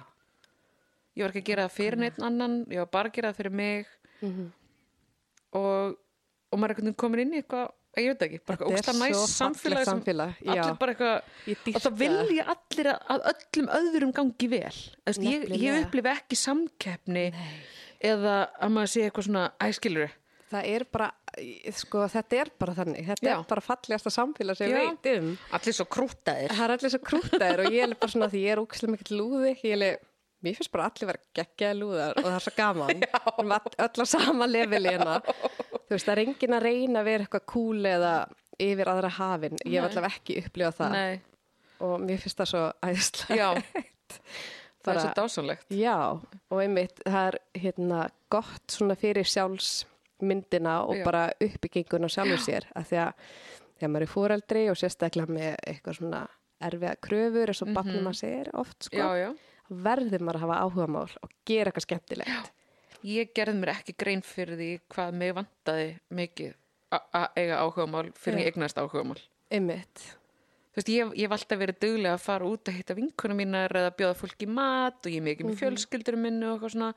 En þetta er eitthvað allt annað, þú veist, þetta er eitthvað Já. sem ég er að stunda. Og þetta er eitthvað sem ég er að æfa og ég er að sjá árangur en án þess að sé ógislega erfitt eða, eða skilur Já. ég veit ekki, já, þetta er bara það ekki hægt að lýsa þessu En já. þetta er líka heila þjálfun. oh my god Og ég er sko búin að taka því að því ég man ekki neitt. Mm. Ég er bara með umulegt minni oft. En ég man fáralustu hluti sem ég á ekkert að muna sko. Já. En hérna, þetta er að hjálpa mér með minni mitt. Ég get vel því Já, maður þarf að muna allt hvað hinn er að segja og, og þú veist þess að spunni gangi upp. Mm. Algjörlega, þú ert kannski 20 mínútna setti Mhm. og svo búið að vera fullt af hérna, senum í gangi svo í lokin að fara að tengja senurnar Já. og þá þetta að muna hvað þessi í fyrsta settinu hétt Já, einmitt. þú getur ekki Þetta er kallað hann svaka þjálfun. Guðmundur en hétt Palli á þann sko. Þá eru áravendur bara eitthvað hvað er þetta að tala um Þannig að þetta er rosa góð heila þjálfun. mjög góð einmitt eins og ég segi alltaf, þú veist, maður er alltaf, er allir að vinna í sér og allir díla eitthvað sétt. En það á að vera gaman já, að vinna í sjálfur sér og gera eitthvað skemmtilegt. Mæli með því. já. Einmitt, bara, þú veist, og ef maður er á mjög slæmum stað, allavega ná sér þá kannski aðeins upp til þess að geta Já, þú veist, fara að, að, að njóta þú veist, að gera eitthvað svona. Já. og það þarf ekkert að spuni, skilur það er, það er gönguhópar eða ævotefur, ég kann ekki á þetta en Keramik eða jóka eitthvað. Eða, já, já, sko, mér langar að stopna leysitak klúb. og ég má vera með? Já, ég er samt oft pælt í þessu að ég elska leysitak Já. og ég er svona crazy. Já. Ég er óksla góð í leysitak. ok, ég er mjög lélega, mér finnst ógslega gaman. Og ég hugsaði þetta daginn ég leið, ok, að því mér er gaman að hafa gaman. Og ég er að pæli sko hvort að maður mætti búa til svona landslið. Já, að er ekki til það er landslið ekki að fara að banna þér að þú veist, hver er þetta að banna að ég segi það og fara að æfa bara leysitak þetta er líkamsrækt. Það, það er til landslið sko. bandi ég skilurðu. veit það, ég er nefnilega þekkið sem er landsliðinu Já. bandi. Fara, hérna bróður að steina, en hann var það allavega. En já, við getum stopnað landslið í leysitak. Mhm. hafa smá stemningu. Hefur farað hann upp í gráu það sem eru úti? Nei, mér það langar er svo sturlað Mér langar að gera það. þá hef ég tekið náttúrulega, ég held að byssinu svo hoppa ég niður og rúlla mér eftir jörðinni og er eitthvað, ég meiri ég er svona að reyna að gera eitthvað cool heldur Já. en að vera að skjóta eitthvað Já, þú ert náttúrulega bara cool ef maður ætti að lýsa þér, sko. Ég er ekki vissum að dóttir mín er sammála. nei, nei, hún er ekki með smekk. Nei, Nei, nei, nei, en dónin 15, Já, nákvæmlega, hún er 15 með hérna, ekki með smekk. ekki með sem hún er ekki smekkleg. Hún er alltaf spunaði gær og góð brandari. Já, hérna já, já, já. En djúið lýst mig vel á leysitak, hérna, Já, ég til í allir þetta. skrá sig. Allir skrá sig. En maður er aldrei á gamalt þess að vera í ruklinu og hafa skemmtilegt. Nei, ég... Það er bara svo leis. En það heldur manni bara Það heldur manni ungum. Já, bæði á sál og líkama held ég. Ég held það, við þá. Já.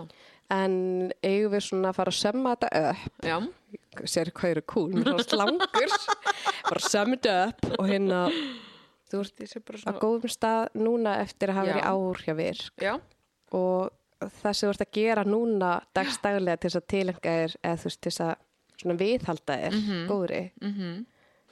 Hvernig gerur það? Það, til dæmis bunin, Já, gerir rosalega mikið fyrir mig um, og þetta er svona sjálfsmildi að, reyna að yfka það, minka ákveðna fullkonur áratu.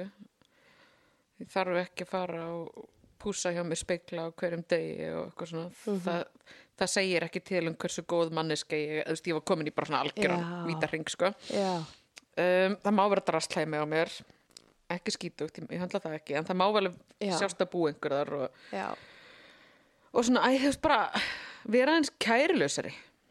Við leifum bara einu sinni að þú veist, svo best sem maður viti. Mhm, og hérna að njóta þess og, og ég er endar, ég er ofbáslega léli að yfka til dæmis eins og núvitund. Já, en ég er mjög hlind því að reyna að minna með stundum á það. Já, að þetta moment, eins og bara þetta moment við sitjum hérna um að spjalla, þetta er ekki að koma aftur Nei, fyrir bara komið Nei, þú Nei, veit við, það, þú veist já. bara að njóta þess að hafa gaman og, og slaka á og, Mhm, og eitthvað svona, ég veit ekki. Algjörlega, veist, fyrir þreymur árum þá hef ég komið yngur og ég hef verið nötrandi.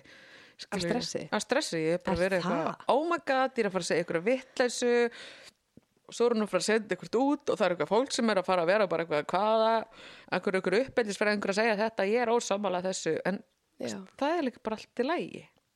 nákvæmlega. Búið að læra að vera sátt við það að það er ekkert allir að elska allt sem maður gerir Nei, og já. sumir elskaði og aðrir ekki. Já. Já, nákvæmlega. Já. Það er svo geggjað þegar mann er alveg sama. Já, Það er svo næs Já. að ná því. Því að, já, það er mér sami á mér. Það hefur tekið miljón ár. já. Það er svo mikið frelsi. Ógeðslega mikið frelsi, sko. maður verður allt í hennu bara svona eitthvað oh, æ, fuck it, skil Já, og það er svo næs að losna við þetta. Það er svo Já. leiðilegt að vera svo stað þar sem maður er ekki sama Mhm. hvað ókunnit fólk segir. -hmm. Bara svona, svona er ég bara. já, einmitt það er ekki mörg ár síðan ég fór til dæmis bara ég var ógæðislega ljótan svona kúkabrúnan joggingala Mm, næs. Það er ekki langt síðan ég hefði bara aldrei látið sjá mig í þessu ekki einu svona upp í sömabústa með vinkonum mínum núna skrepp ég út í krónu Já, einmitt. Svona mömmulúkki, sko. það er bara mamma allir alvörun í kúkagalanu þínum úti Já. því ég nenni ekki að skipta um föt að því að vanta mjólk Nei, nokkulega. En það er alltaf klassist að þegar maður er svona hræðilegu til fara eða algjörlega bara miklaður en allt. Já. Þá hittir maður alltaf eitthvað sem er ekki hitt í mörg ár, eitthvað gamla skólafélaga. eitthvað eitthvað Já, já, þá maður bara svona, ég er yfirleitt aðeins skári. Þá, ég hendi það alltaf í bara eitthvað svona ég er glaðasta og skemmtilegasta konan á svæðinu. Já. Ég ætla að bæta upp fyrir það með þessu. Já, ég fyrir bara svona karakter og ég bara halló, breyði út faðminn og hef bara alveg hérna skilur, ég skammast mín ekki fyrir hvað ég er ógeðsleg. En svo kem ég út í bíl og er eitthvað, já, já, ég hef um kannski átt að greiða mér hári og setja mér svítalit eða eitthvað. oh my god, þetta er samt svo fyndi ég er alltaf að hafa mér svo mikið til að ég hitt aldrei neitt Já, að því að ég hef mig til þá hitt ég aldrei nei, nei, nei, nei. það er líka bara fín Já, já. Já, það er svo sem fínt sko. COVID var líka fínt tími skilu var maður Oh með my grímu og God. húu. Það var svo næs. Það var maður að neinum nei, nákvæmlega, æ, ég þekkti ekki. Andlita Já. verið sérst ekki já. Oh my god. Maður maður hort svona meira niður og þá sást maður ekki alveg allar skamma sín með grímu yfir andlitunum umulegu tími. Við viljum ekki fá það aftur? Nei, er eitthvað sem við viljum segja lokum ertu með eitthvað svakalega bóðskap eða? Ég held að sé í rauninni bara, veist, að ekki vera feimin að leita sér að stuðningi.